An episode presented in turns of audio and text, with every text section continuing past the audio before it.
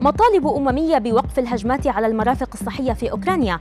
فيسبوك يسهل على المستخدمين الأوكرانيين طلب المساعدة الطبية وشركة موديرنا تستعد للوباء القادم. أبرز أخبار الساعات الأربع والعشرين الماضية في دقيقتين على العربية بودكاست.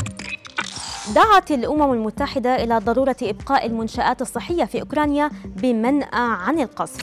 بعد صدور تقرير عن تدمير القوات الروسية مستشفى للأطفال في ماريبول جنوب شرق البلاد ما أدى إلى إصابة 17 شخصا. وقال المتحدث باسم الأمم المتحدة ستيفن دوجاريك إن الأمم المتحدة ومنظمة الصحة العالمية طالبتا وما زالتا تطالبان بوقف فوري للهجمات على كل المرافق الصحية والمستشفيات والعاملين في مجال الرعاية الصحية وسيارات الإسعاف في جميع أنحاء البلاد. قام فيسبوك بتحديث قسم مساعدة المجتمع في أوكرانيا لإضافة موارد من وكالات الأمم المتحدة والصليب الأحمر المحلية وذلك بهدف تسهيل العثور على المساعدة الطبية ليس فقط في أوكرانيا ولكن أيضا في البلدان المجاورة. بالإضافة إلى ذلك تحتوي خدمة Community Help الآن على خط واتساب للمساعدة لخدمات الطوارئ الحكومية في أوكرانيا لتوصيل الأشخاص بالتحديثات الهامة والخدمات الحيوية. وقام فيسبوك أيضا بتحديث تحديث مركز الصحة العاطفية الخاص به مضيفا نصائح حول الصحة العقلية في الموقع. من منظمة الصحة العالمية ومنظمات أخرى باللغات الأوكرانية والروسية والإنجليزية.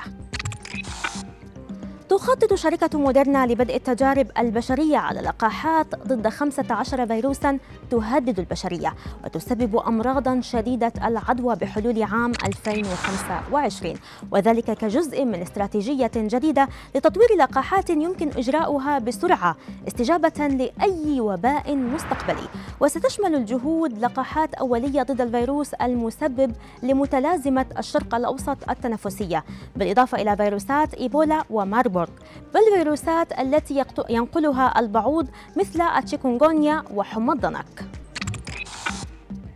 خلصت دراسة حديثة إلى أن تحسين اللياقة البدنية لا يحتاج إلى أكثر من ربع ساعة في اليوم الواحد مشيرة إلى أن ممارسة الرياضة لأكثر من ذلك تعتبر مضيعة للوقت. إذا كان الهدف هو تحسين اللياقة فقط. وخلصت الدراسة التي نشرت في مجلة الطب والعلم في الرياضة والتمرين الأمريكية إلى أن التمرين لمدة ربع ساعة فقط يوميا كاف جدا. لكنها أشارت إلى أن من يهدف إلى بناء واكتساب العضلات فيمكنه أن يتدرب أكثر للحصول على ما يريد.